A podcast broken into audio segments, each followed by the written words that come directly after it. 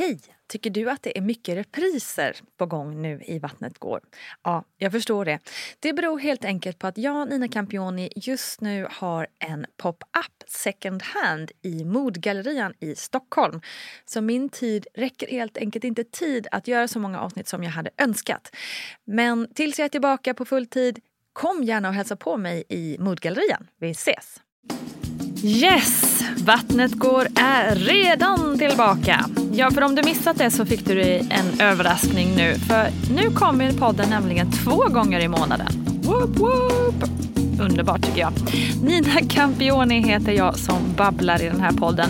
Och med mig denna gång så har jag fantastiska Vimmelmamman, alltså Lotta Gray, reporter som har stenkoll på vad Sveriges alla kändisar har för sig. Men som också skrivit boken Himlen kan vänta om sin cancer. Lotta har sonen Lennox på 13 år och nu ska vi prata om det här med att inte ha barnlängtan och vad som kan hända när man kommit hem med sin lilla bebis. Med oss har vi som vanligt barnmorskan Gudrun Abascal som hjälper till att styra upp lite tankar här och där. Nu, let's roll! When you're ready to pop the question, the last thing you want to do is second guess the ring. At Bluenile.com you can design a one-of-a-kind ring with the ease and convenience of shopping online. Choose your diamond and setting. When you find the one, you'll get it delivered right to your door. Go to Bluenile.com and use promo code LISTEN to get $50 off your purchase of $500 or more. That's code LISTEN at Bluenile.com for $50 off your purchase. Bluenile.com code LISTEN. A lot can happen in three years, like a chatbot may be your new best friend. But what won't change? Needing health insurance. United Healthcare Tri Term Medical Plans, underwritten by Golden Rule Insurance Company, offer flexible, budget friendly coverage that lasts nearly three years in some states. Learn more at uh1.com. Wow! Nice! Yeah! What you're hearing are the sounds of people everywhere putting on Bombas socks, underwear, and t shirts made from absurdly soft materials that feel like plush clouds. Yeah, that plush. And the best part, for every item you purchase, Bombas donates another to someone facing homelessness. Bombas, big comfort for everyone. Go to bombas.com slash ACAST and use code ACAST for 20% off your first purchase. That's bombas.com slash ACAST, code ACAST. Planning for your next trip?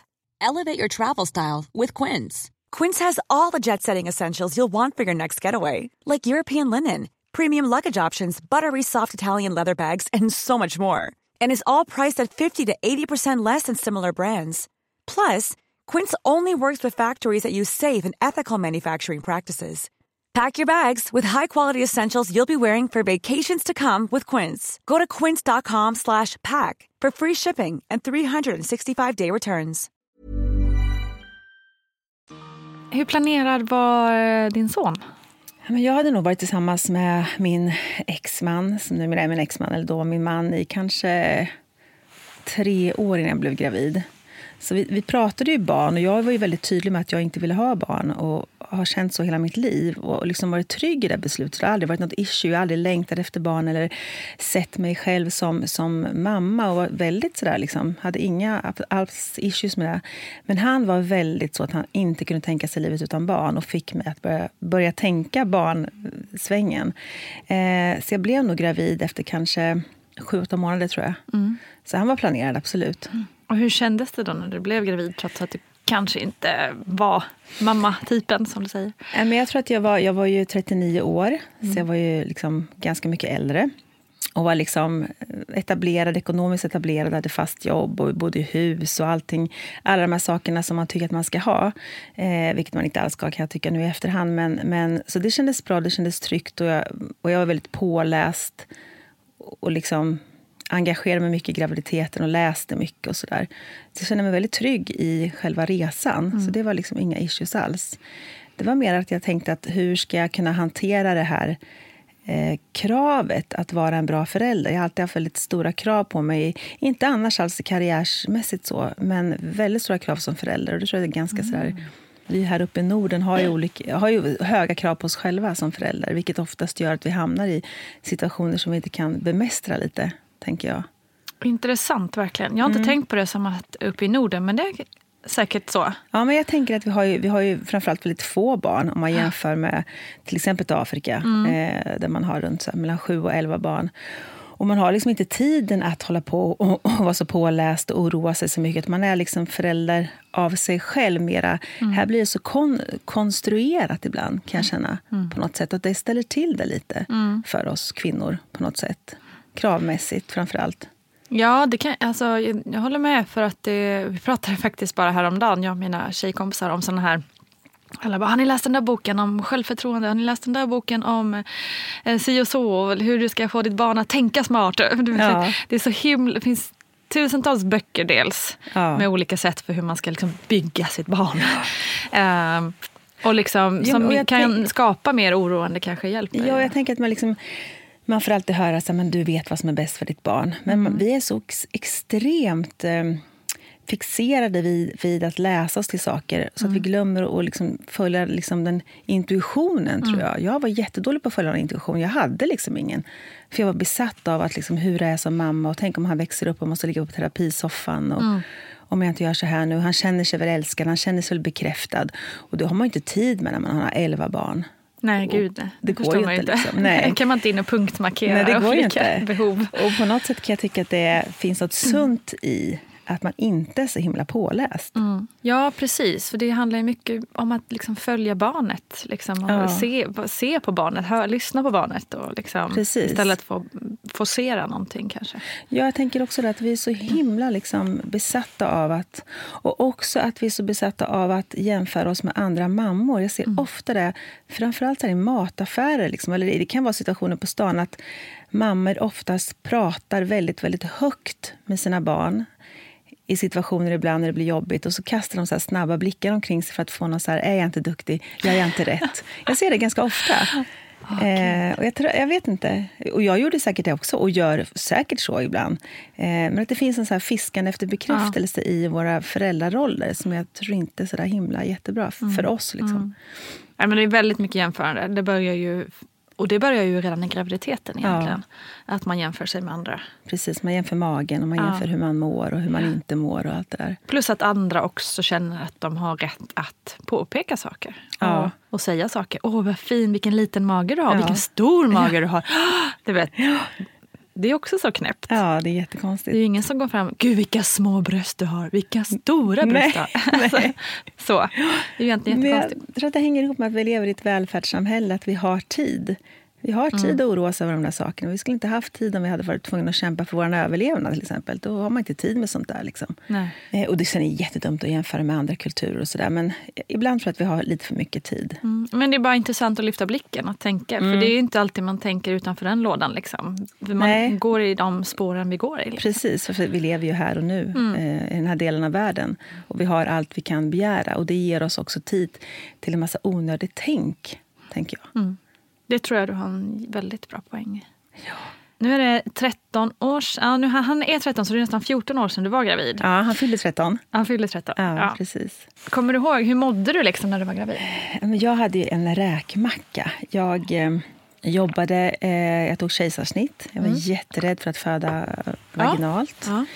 Eh, och var också väldigt trygg i det beslutet. Så att jag liksom gick på såna här samtal där de försökte få mig att föda vaginalt. Vilket jag förstår är bäst, bättre för barnet.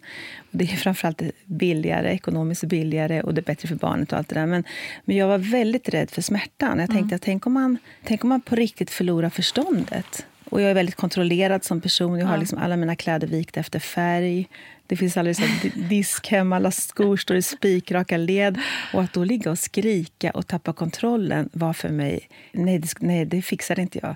Så att jag var också så påläst med kejsarsnitt. Hade här pdf-avhandlingar och statistik om snitt wow. och sådär. Så att det gick inte att prata omkull mig. Och jag tänker också när man kommer och är en äldre förstagångsföderska och är ganska trygg i sitt beslut så är det ju svårare än när man kommer och är ung. Absolut. Så att jag... eh, Men jag fick du, inte. fick du gå igenom många liksom, instanser eller man ska säga, för att få Nej. planerat? Nej. Ett samtal var det bara, där där de försökte. Liksom att, att, men sen så hörde de väl på mig att det inte gick. Så att det var ju liksom planerat. Och allt var planerat. Var, jag valde musik och jag liksom, ja, men allting var väldigt så. Och det går inte heller, det är också så här, liksom, dumt egentligen, att man inte vågar liksom bara vara, vara i där man är. För att, jag menar, vi är gjorda för att föda barn, antar jag väl. Vi är byggda för det. De allra flesta människor klarar ju av det. Men jag var jätterädd för den här smärtan, vad den skulle göra med mig under den här resan, liksom, under själva liksom, förlossningen. Så det blev snitt. Och då var ju ett datum spikat och det var ju skönt för mig som är kontroll, har kontrollbehov, så jag kunde styra det. Ja. Eh, Så jag mådde jättebra. Jag jobbade tio dagar in i graviditeten, eller in i förlossningen, eller snittet. Ehm, Hade inga krämpor överhuvudtaget. Eh, ja, inga issues, mådde inte illa. Inga såna, alltså ingenting. Wow, vad lyxigt. Ja, faktiskt. Fantastisk graviditet. Ja. Inga Och problem känslomässigt då? Men också sådär, en oro tror jag som började redan tidigt. att Kommer jag hantera det här rent känslomässigt med honom? Kommer han att känna sig älskad? För det visste jag att det var en pojke. Det hade jag också kollat såklart. Liksom. Och namnet var bestämt. Så det fanns liksom ingenting lämnat åt slumpen. Eh, men mer oro över liksom, kommer jag räcka till? Att, att guida den här personen genom ett helt liv och ge honom redskap för att bli den jag vill att han ska vara. Det var en, en, en stor oro. Och sen när han kom så blev det också blev det en, en ganska rejäl dipp. För att jag liksom var rädd för att inte kunna hantera det, som, det här stora som ligger framför en. Ehm, så det blev ganska mycket... Ja, men du vet, mannen går till jobbet och man hasar runt där i villan. Det var oktober, det var kallt, det var mulet. Och jag var så här, så fort jag hade glömt någonting på, på Ica så var jag så överlycklig att jag fick en anledning att kunna gå ut igen. Och han var ganska så här, grät ganska mycket. Och jag, fick så mycket, jag kommer ihåg att jag stod upp och åt vid diskbänken. Jag vågade inte ens sitta ner. Jag var väldigt stressad. Otroligt stressad. Jag gick ner i vikt jättemycket. Gjorde. Jag blev smal som ett streck. Eh, och det var en slags oro över att inte kunna liksom ge honom det, det han... Och det, det kan vi ju. Vi är ju för det allra mesta fullt kapabla till att ge våra barn det de behöver. Både emotionellt och liksom fysiologiskt. Men återigen så att vi liksom drivs av någon slags rädsla att inte räcka till. Vilket är ganska sorgligt egentligen. Ja. Alltså det är ledsamt att det ska behöva störa. Liksom. Ja. För det är ju också en så här instinkt tror jag man har. Att man vill liksom ge så mycket och, Ja. och övervaka dem så mycket. Och liksom Precis. allt det där. Eh, men det är jobbigt att det ska behöva ta över handen. Liksom. Eller det är ju Ja. jättetråkigt. Och jag tänker också, hade, hade jag haft två eller tre barn till så hade det inte funnits tid Nej. att hålla på och oroa sig. Känner han sig älskad?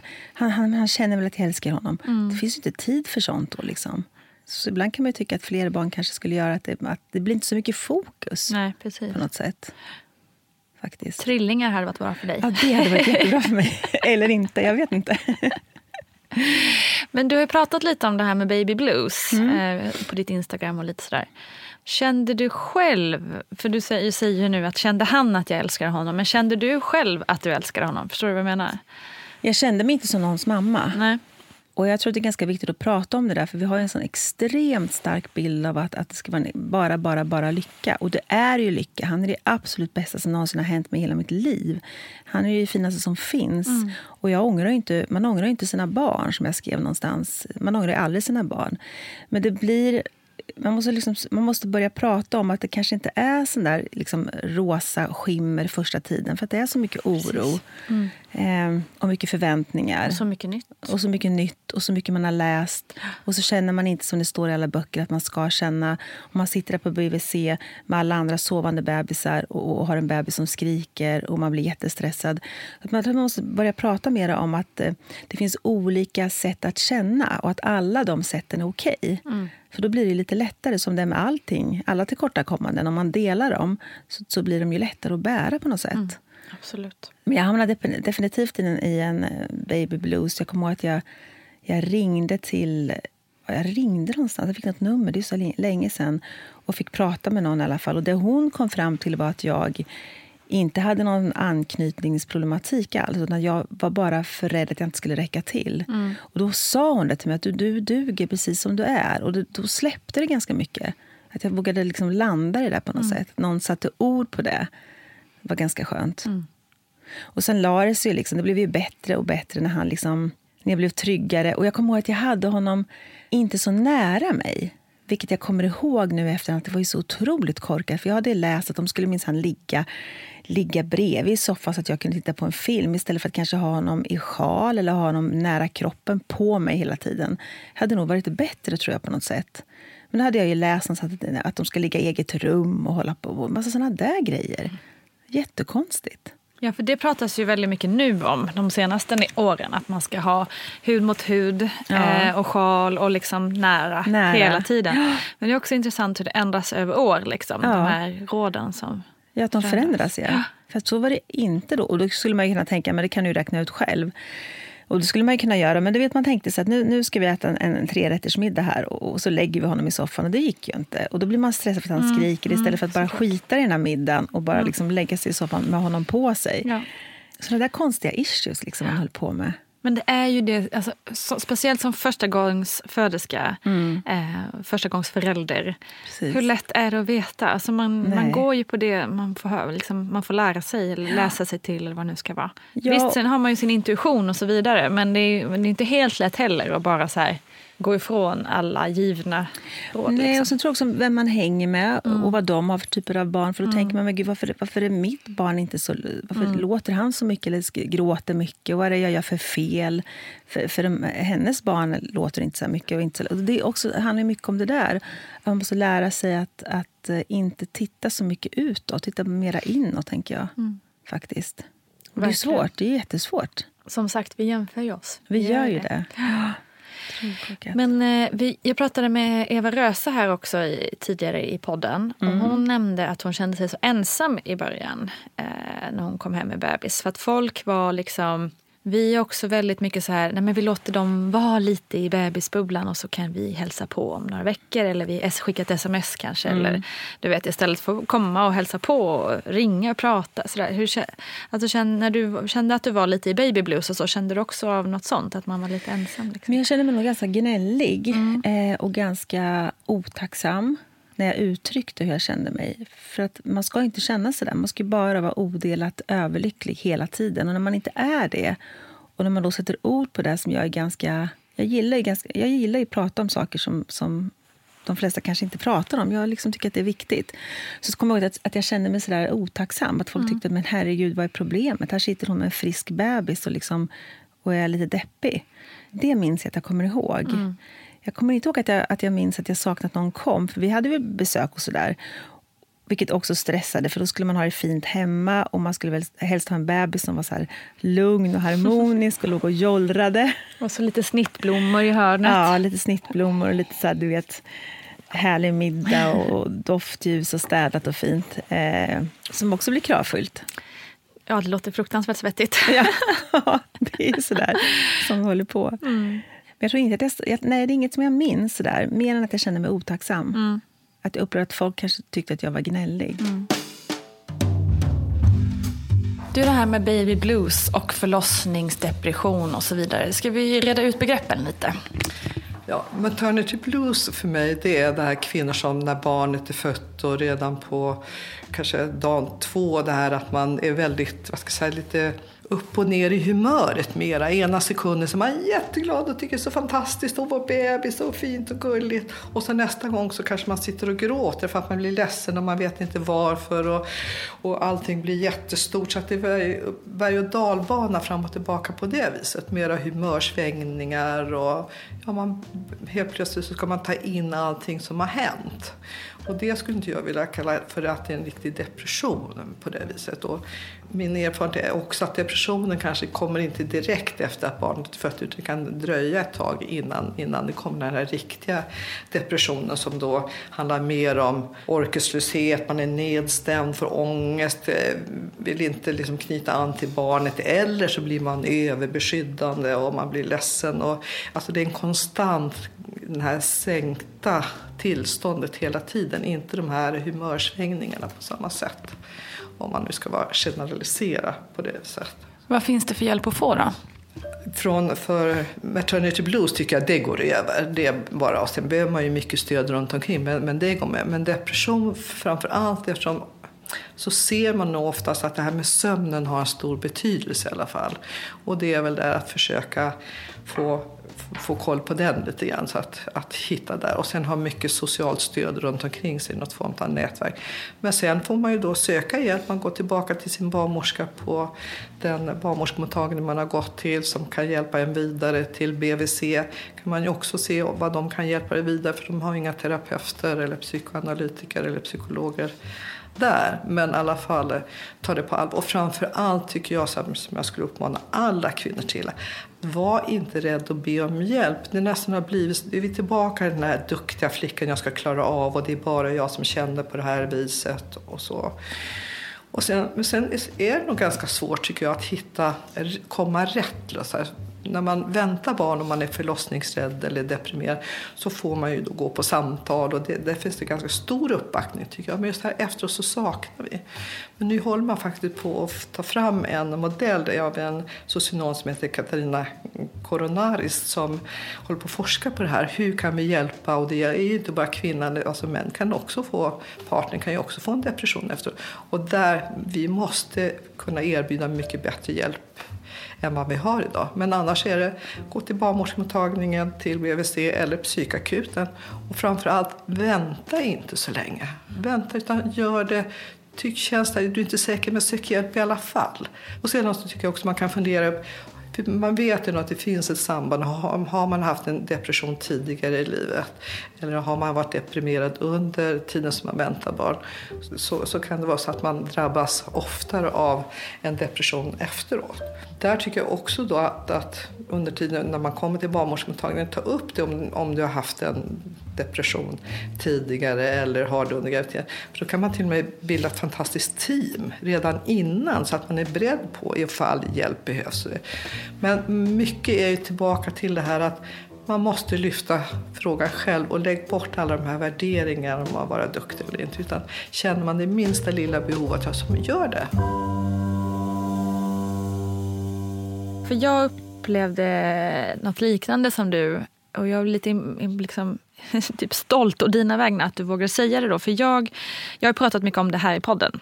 Att jag eh, hade, när min dotter kom, också det här med lite problem med, ja, men jag hade lite problem med anknytningen. Mm. Att jag liksom inte kände att jag ja, men helt enkelt inte älskade henne kände jag. Liksom. Mm. Så här, vem är det här? Mm. Så, och det tog sin lilla tid. Liksom. Men det kunde jag inte säga till någon. Nej. Det tyckte jag kändes så fruktansvärt. Liksom. Mm. Pratade du med någon? Men du sa ja, men då pratade jag, för jag fick också, jag antar att det är något liknande, att jag fick, jag fick träffa en terapeut på BVC. Eh, två gånger. Just det. Som förvisso inte liksom, var så bra, men det fick i alla fall mig att säga det eh, högt mm. en gång, två gånger. Och bara det hjälpte ju liksom, att sätta ordet på det. Och, och det blev lättare då? Och få en förklaring att det var okej. Okay, liksom. ja. mm. Och sen växte det fram, eller hur? Tänkte ja, jag. precis. För det, liksom, varje dag så kom ju lite mer kärlek och så lite mer kärlek. Ja. Och, så lite. och så tycker jag fortfarande det. Nästan. Hon är fyra nu. Ja, liksom, den, kärleken bara växer och växer och växer. Tycker det är härligt. Men, men det, var, det var ju skitjobbigt. Ja, det förstår jag. jag. Nej, jag kände... Jag tänkte, jag, det var nog tvärtom. Att jag, nej, jag hade ingen anknytningsproblematik, men det var mer att jag tyckte det var sådär det var så extremt stort ansvar. Ja. Jag tänkte, herregud, hur ska jag klara av det här?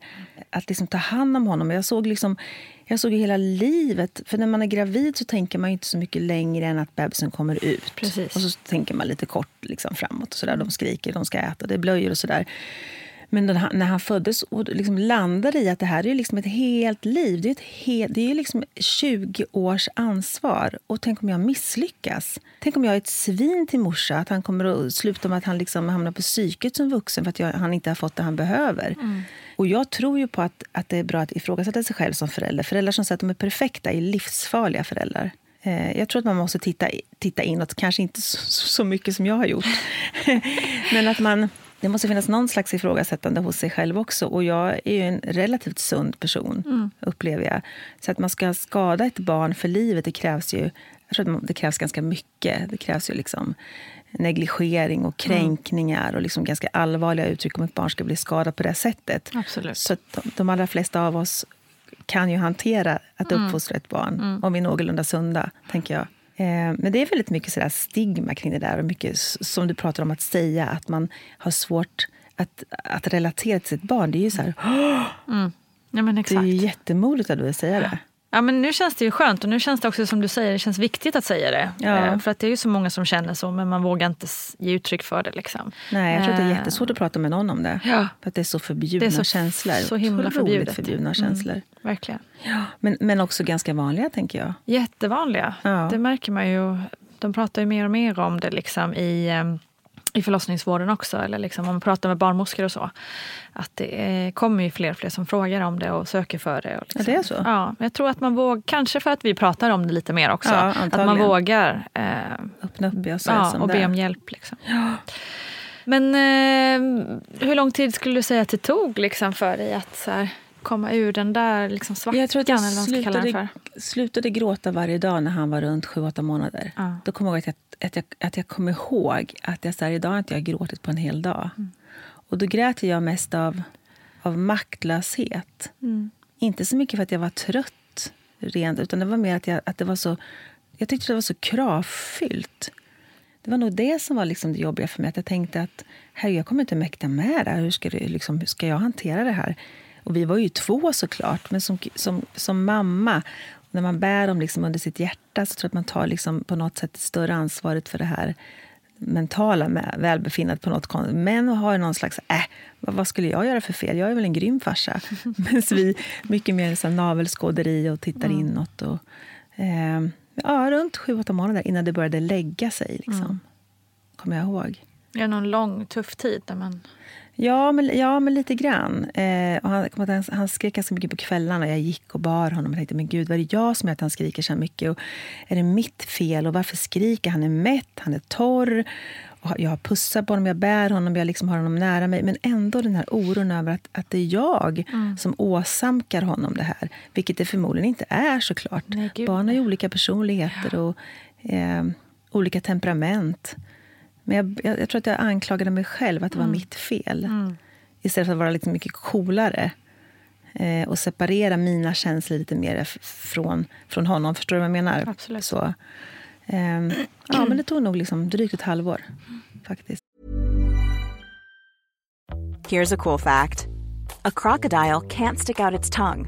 Another cool fact you can get short term health insurance for a month or just under a year in some states.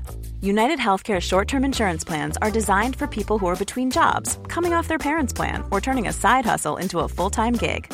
Underwritten by Golden Rule Insurance Company, they offer flexible, budget friendly coverage with access to a nationwide network of doctors and hospitals. Get more cool facts about United Healthcare short term plans at uh1.com. Life is full of what ifs. Some awesome, like what if AI could fold your laundry? And some, well, less awesome, like what if you have unexpected medical costs? United Healthcare can help get you covered with Health Protector Guard fixed indemnity insurance plans. They supplement your primary plan to help you manage out of pocket costs. No deductibles, no enrollment periods, and especially no more what ifs. Visit uh1.com to find the Health Protector Guard plan for you.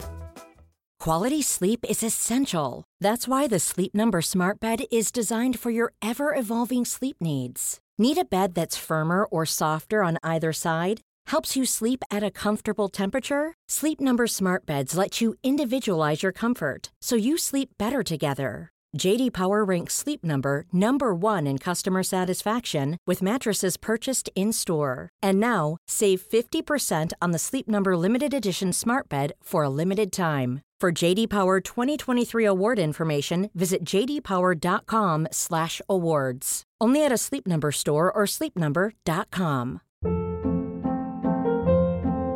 Hold up. What was that? Boring. No flavor. That was as bad as those leftovers you ate all week. Kiki Palmer here, and it's time to say hello to something fresh and guilt-free. Hello Fresh. Jazz up dinner with pecan-crusted chicken or garlic butter shrimp scampi. Now that's music to my mouth. Hello Fresh. Let's get this dinner party started. Discover all the delicious possibilities at hellofresh.com. Hey, it's Ryan Reynolds, and I'm here with Keith, co star of my upcoming film, If, only in theaters, May 17th. Do you want to tell people the big news? All right, I'll do it. Sign up now and you'll get unlimited for $15 a month in six months of Paramount Plus Essential Plan on us. Mintmobile.com slash switch. Upfront payment of $45 equivalent to $15 per month. Unlimited over 40 gigabytes per month. Face lower speeds. Videos at 480p. Active Mint customers by 531.24 get six months of Paramount Plus Essential Plan. Auto renews after six months. Offer ends May 31st, 2024. Separate Paramount Plus registration required. Terms and conditions apply if rated PG. Men det är, jag tänker också att det är ganska enkelt att lägga skulden på sig själv, tyvärr, även fast den egentligen är helt orimlig. Eh, men jag vet att för Rocco, min, min son nu, han, hade, han var rätt så skrikig om kvällarna. lite, så här, lite magont tror jag att han hade de första tre månaderna. Och då får, liksom, trots att jag visste liksom, men det har ju med magen att göra. För det är ju ganska vanligt när man är bebis också. Att det kommer på kvällstid kanske då.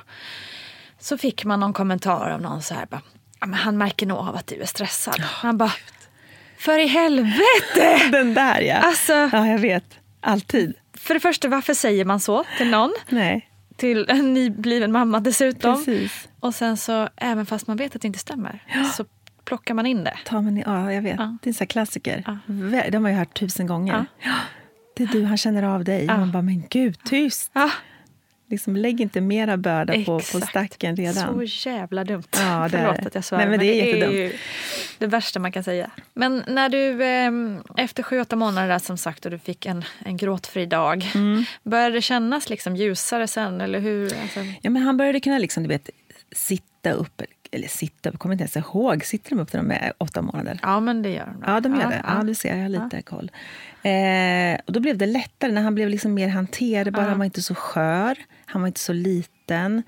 Eh, det gick att kommunicera på, på ett annat sätt än vad det gör de allra första veckorna. Liksom. Eh, och då blev det lättare.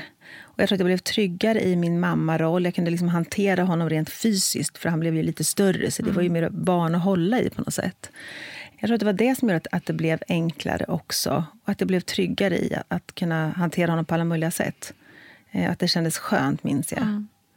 Så det var en befrielse. Och att jag förstod att jag kanske inte hade så mycket med det att göra. Det var inte liksom mitt fel att han grät. Eh, och att han var ledsen. Att det var som du säger, skrik, det kan vara tarmarna som inte har växt klart eller kolik eller någon form av liksom ont i magen. och så där. Det har inte så mycket med mig att göra. Och att det där landade till slut i mig. Men jag är fortfarande så eh, ganska... Är det jag som gör det här nu? Eller stå- är det någonting som jag har, kan påverka? Fortfarande mycket såna tankar. Faktiskt, fast han ändå ska fylla 13. Och det är så dumt. Det är så otroligt korkat. Och jag tänker, å- återigen, hade jag haft tre barn hade det inte varit så antagligen. Nej, precis. Jag undrar hur man ska komma, kunna släppa det. Liksom att ta på sig, för man har ju tillräckligt med ansvar som det är Ja, med sitt vet. barn. Än att man ska behöva klanka ner på sig själv också. Ja. Och jag tror att det är farligt att börja bli för tillrättalagd med barn. Jag tror inte att det är sunt. Jag tror att man ska vara så autentisk som möjligt med dem. Och det tror jag att jag har lite svårt med. Jag vill nog vara lite bättre än vad jag egentligen är. Och jag tror inte att det är bra. Om jag ska vara helt ärlig ibland. Kan jag, du ge något exempel på vad du menar? Men jag kan känna det ibland att jag kan prata med honom på ett väldigt pedagogiskt sätt. Fast jag egentligen bara vill, vill säga, men nu får du fan ge dig, nu räcker det. liksom. Just det. Eh, och att det kan bli lite överpedagogiskt. Och att, det inte liksom, och han, att han hör det. Och att inte det är liksom speciellt... Han hör att det inte egentligen är mamma. Ja, liksom. men precis. äk- att det inte, äkta mamma, ja, utan den här- Och jag tror ja. det är liksom, det är ju värre än typ att slå honom, jag på säga. Men förstår vad jag menar? Ja. Att, att den här äktheten är ju det som på något sätt formar dem och får dem att bli trygga. Och att, att man guidar dem på väg ut i livet genom att man är äkta. Blir Mm. det för tillrättalagt så blir det ju konstlat. Och det tror jag kan skada dem väldigt mycket. Och jag tänker mycket på att jag, jag försöker att inte göra det. Men det är något som ligger i min natur, tror jag. Det här att jag vill vara så bra som möjligt, men att det inte alltid är det som är så bra som möjligt. Och jag tänker att i och med att jag ändå iscensätter det och ser det och tänker på det så är det ju bra. För det finns ju de föräldrar som inte aldrig tänker på hur de är. De kan ju absolut. svära och skrika åt sina ungar. Man håller på att svimma när man hör dem. Och och det kanske är, bättre än, än mig som är sådär jättepedagogisk. Jag vet inte Nu riktigt. sätter vi oss här. Ja, men precis. Nu hör jag att du är arg. Hur känner du? Berätta för mig. Hur känns det när du är så här arg? Istället för bara... Ah! Så jag vet inte liksom... Jag tycker att det är jättesvårt. Det är det svåraste jag har gjort. Det är, att vara, alltså det är så svårt. Jag tycker att det är jättesvårt.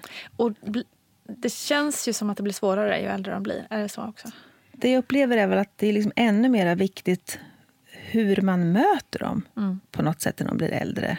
Eh, och Sen kommer det in andra saker som hur länge de ska vara ute, hur mycket de ska vara med på pa- spela, hålla på med datorn. Alltså de sakerna är också svåra att hantera, tycker jag. Och Jag kan ibland bli avundsjuk på stökiga och röriga familjer. Jag tänker på Ann Söderlund, nu kommer hon bli skitförbannad på mig Nej, men vet du vad det är så roligt? Jag tänkte på henne också faktiskt. Gjorde Ja. Vad lustigt. Jag Alltså på, i- kärleksfullt såklart. ja, men precis, jag tänker Mm. på Ann, som jag känner inte speciellt bra, men lite grann, som verkar ha en, liksom en, en stor och, och ganska rörig familj, ibland lite kaotisk, tänker jag att det kan vara. Och att det finns något jättehärligt i Ja, det, precis. som jag kan sakna. För jag har inte det. Vi lever ensamma, jag och Lennox. Mm. Jag har honom varannan vecka. Det är ganska tillrättalagt när han kommer. Jag städar, jag köper hans favoritmat, jag tänder ljus. Förstår du? Ja. Det blir inte så... Ibland är det inte så äkta. Gud, vad hemskt det låter. Men eh, jag vet inte hur jag ska förklara det på något annat sätt. Och då kan jag tycka ibland att det, att det är härligt att växa upp i den här stora familjen Mm. där det liksom ibland inte funkar. Nej, men precis. Och det det, är bara får vara lite stökigt. Ja, det får och det är bara, det får bara vara. Liksom. Ja, och det, det är liksom högt i tak och det, det funkar inte ibland. Och, och liksom mjölken är slut och så är det. Och, det är ingen, och, och skorna är trasiga. Eller inte, nu säger jag inte att, att Ann har trasiga skor till sina Ann barn har bara trasiga skor. Exakt. Det var ingen, mat, ingen mat och bara trasiga skor. Nej, men att det liksom ibland inte bara var... Jag tror att jag är lite för... Det ska vara lite för perfekt med mig. Får jag fråga, tror du att det också är för att du just eh, bara inom citationstecken har honom varannan vecka? Att du vill att när du, han är hos dig, att det ska Ja. vara så bra att det bara kan vara? Liksom. Dels är det där och dels är det så för att jag är så som Ja. Mm. person. Jag var så innan eh, jag skilde mig också. Men jag tror att det är, är värre nu, eller värre, men ja, ja värre. Mm. Att, att jag vill att det ska vara på ett speciellt sätt. Eh, Samtidigt då, nu måste jag ju liksom typ rätta dig. För du säger att det ska vara autent, eller du vill att det ska vara Mm. så autentiskt. Men å andra sidan så är du ju så här också. Så han känner ju dig i det här. Förstår du vad jag menar? Ja, jo. Så det är ju, alltså, du Ja, säger att det är fel och det, det, det. men Ja. det känns ju också som att det är ju Jo men, det du. är, jo, men det är mycket jag. Jag är ganska sådär. Jag vill att det ska vara ordning och reda. ja, och det, ska, behöver inte vara fel. Liksom. Förstår du vad jag menar? Nej, men jag vill att det ska vara liksom doftande vita liljor. Ja, du får inte vara så det- hård för nej, jag, nej, jag vet. Men ibland kan jag tänka, när jag träffar familjer som är lite mer kaos, att jag ja. kan bli lite så här avundsjuk nästan på det. Ja. Jag, tror- jag tror att det är bra för barnen att växa upp i det där lite grann. Ja. Men det kan jag också tycka faktiskt. För det blir också en känsla av att barn kan känna att man inte är så här... Ja men det är kärleken som är viktigast. Och sen allt det andra, skitsamma liksom. Mm. Eh, och att man kanske inte heller alltid är center of attention hela tiden. Eller liksom Precis. Så. Att det är liksom sådär... Och jag tror ju på att de ska vara, de, de, barn ska aldrig vara kungar. De, Precis, får, de får vara prinsar. Det var lite det jag menade. Ville Men, de ska aldrig vara fram. kungar liksom, i sitt universum. För Ja. Man mår inte bra av att vara Nej, kung. Man, exakt. man, man mår inte bra av att för mycket, ha för mycket utrymme. Nej. Det är ju jätteläskigt att få bestämma för mycket. Det måste vara en superohärlig känsla att veta att man får bestämma för mycket. Det är ju jätteläskigt skulle jag tycka om jag var barn. Men Ja. Mm. de måste ju ha lite ramar och lite väggar för att bli trygga. Helt klart. Jag låter väldigt klok, men jag tror inte att jag kan leva Jag tror inte att jag kan liksom riktigt leva upp till det kanske. Han är ju väldigt mycket en kung. Ja, men det är ju svårt att inte sätta sina egna barn på den platsen på något vis. Och jag tror att i en stor familj så hamnar de inte där. Nej, det är Nej. väl det kanske. Men kanske det som är kvittot, eller liksom receptet. Jag tänker Massor av det. barn. Ja, men massor med barn, ja. Ja. Men du, det ledde ju oss osökt vidare på nästa fråga. Eh, för du bestämde, vi pratade innan om att du egentligen inte var så sugen på barn. Mm. Och sen kände du ganska tidigt eller att du inte ville ha fler heller. Mm. Hur, har det, hur har det varit att liksom få, för jag gissar, eh, eller i alla fall vänner till mig som kanske har bestämt sig för ett barn eller kanske inte kan få fler barn eller vad det nu än må vara, ändå får den här frågan ganska ofta. Mm. När kommer nummer två då? Blir det några fler barn? Eller Liksom, är det inte dags snart? Mm.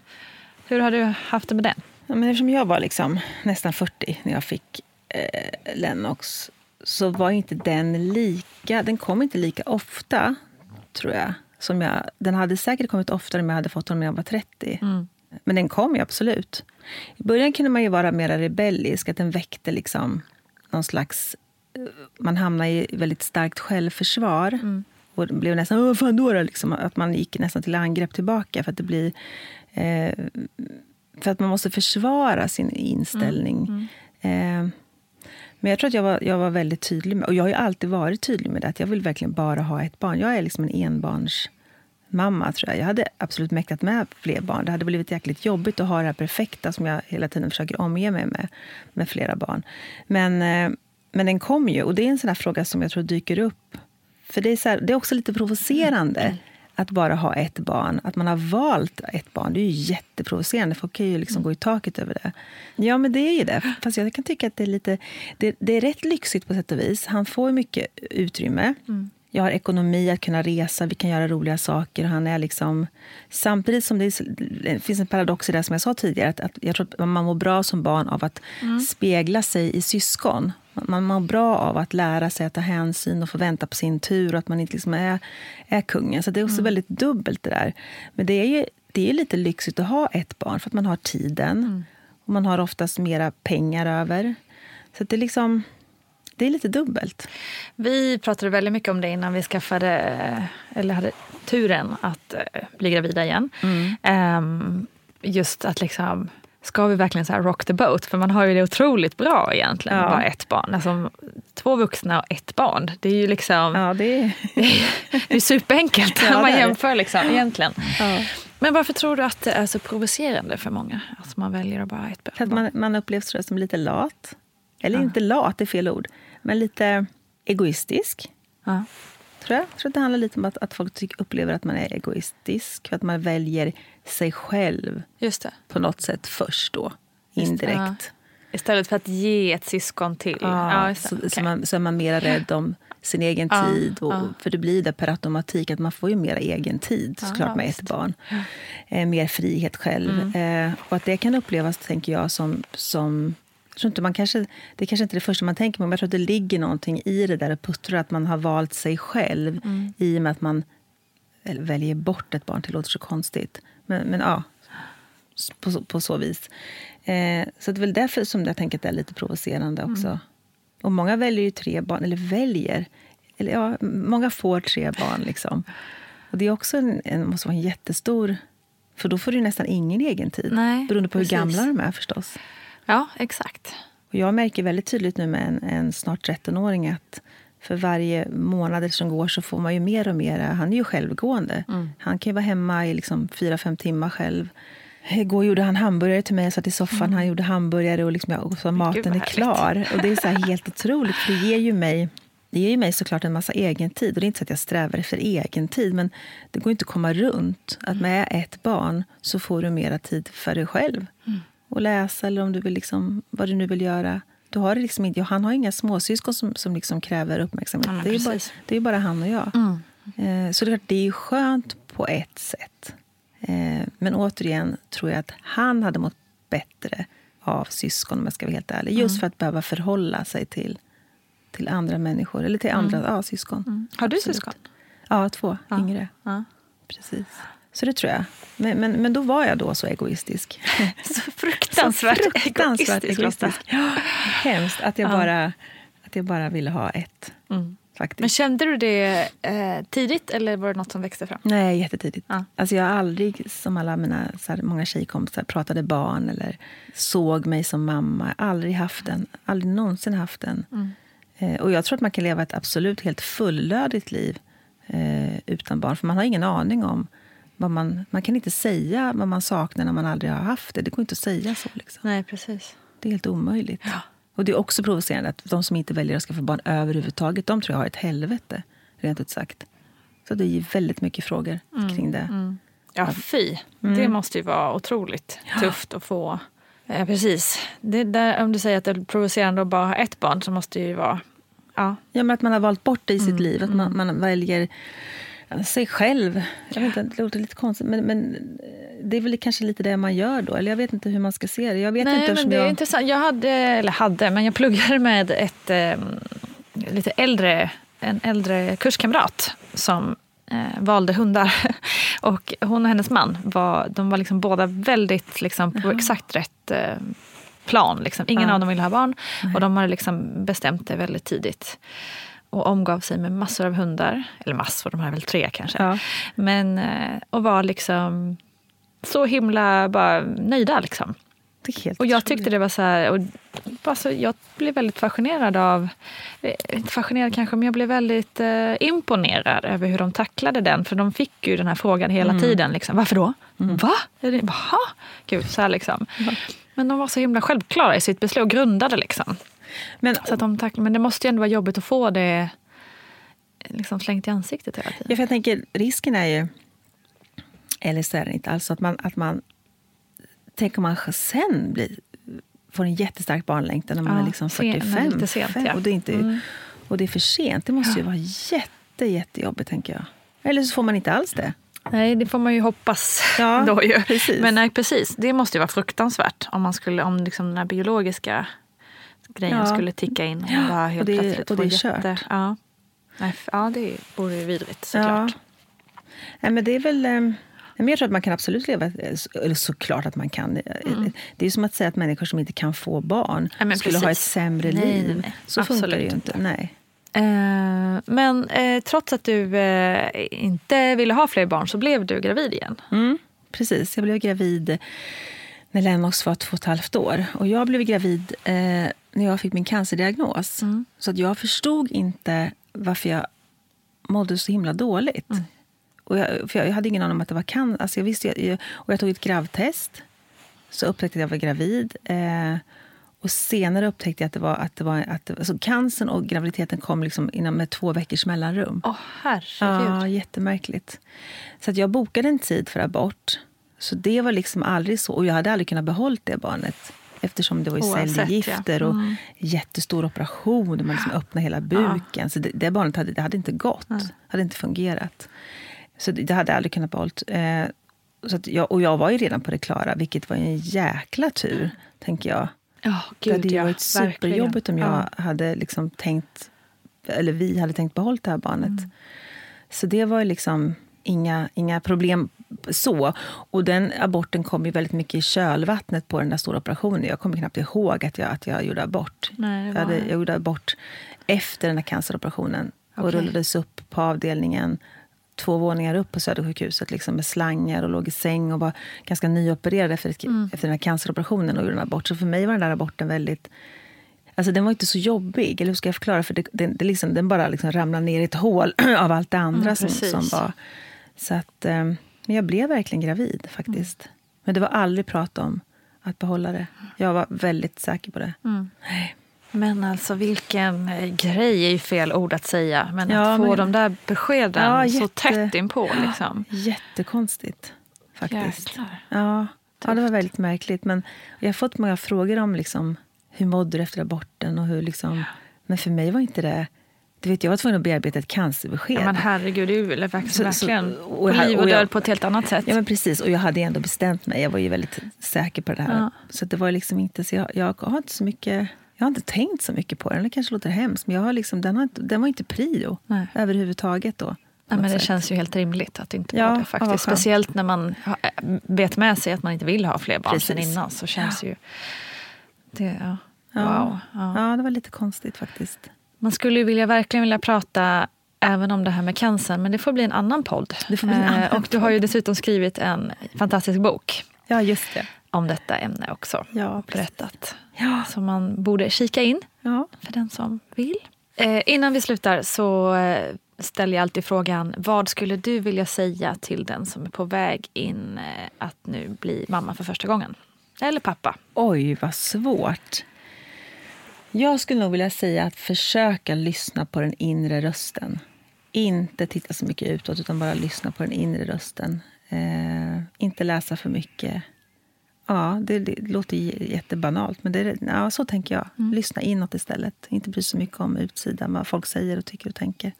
Jag försöker lyssna efter den där lilla som man alltid har. Jag är jätteglad att du kom Lotta. Tack för att jag fick komma. Tack snälla. Tack Lotta Gray, a.k.a. Vimmelmamman, för att du så ärligt delade med dig av alla dina tankar. Och det här avsnittet fokuserade ju lite mer än vanligt på tiden efter förlossning. Och så får det också vara, tycker jag. Och Jag hoppas ni håller med om det. Hörni, vi hörs snart igen. Och tills dess så finns Vattnet går på Instagram.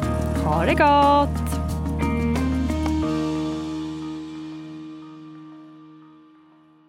Producerat av Perfect Day Media.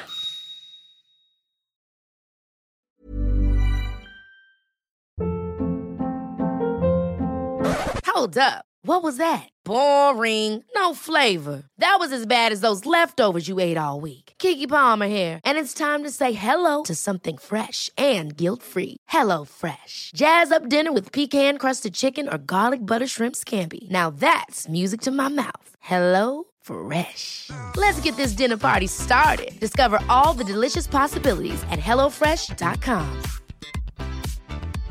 Imagine the softest sheets you've ever felt. Now imagine them getting even softer over time. That's what you'll feel with Bowl and Branch's organic cotton sheets. In a recent customer survey, 96% replied that Bowl and Branch sheets get softer with every wash. Start getting your best night's sleep in these sheets that get softer and softer for years to come. Try their sheets with a 30-night guarantee. Plus, get 15% off your first order at bowlandbranch.com. Code BUTTERY. Exclusions apply. See site for details. Even when we're on a budget, we still deserve nice things. Quince is a place to scoop up stunning high-end goods for 50 to 80% less than similar brands. They have buttery soft cashmere sweaters starting at $50, luxurious Italian leather bags, and so much more. Plus, Quince only works with factories that use safe, ethical, and responsible manufacturing. Get the high-end goods you'll love without the high price tag with Quince. Go to quince.com slash style for free shipping and 365-day returns. Hi, I'm Daniel, founder of Pretty Litter. Did you know cats tend to hide symptoms of sickness and pain? I learned this the hard way after losing my cat, Gingy. So I created Pretty Litter, a health monitoring litter that helps detect early signs of illness by changing colors, saving you money and potentially your cat's life. Pretty Litter is veterinarian developed, and it's the easiest way to keep tabs on your fur baby's health right at home. Go to prettylitter.com and use code ACAST for 20% off your first order and a free cat toy. Terms and conditions apply. See site for details.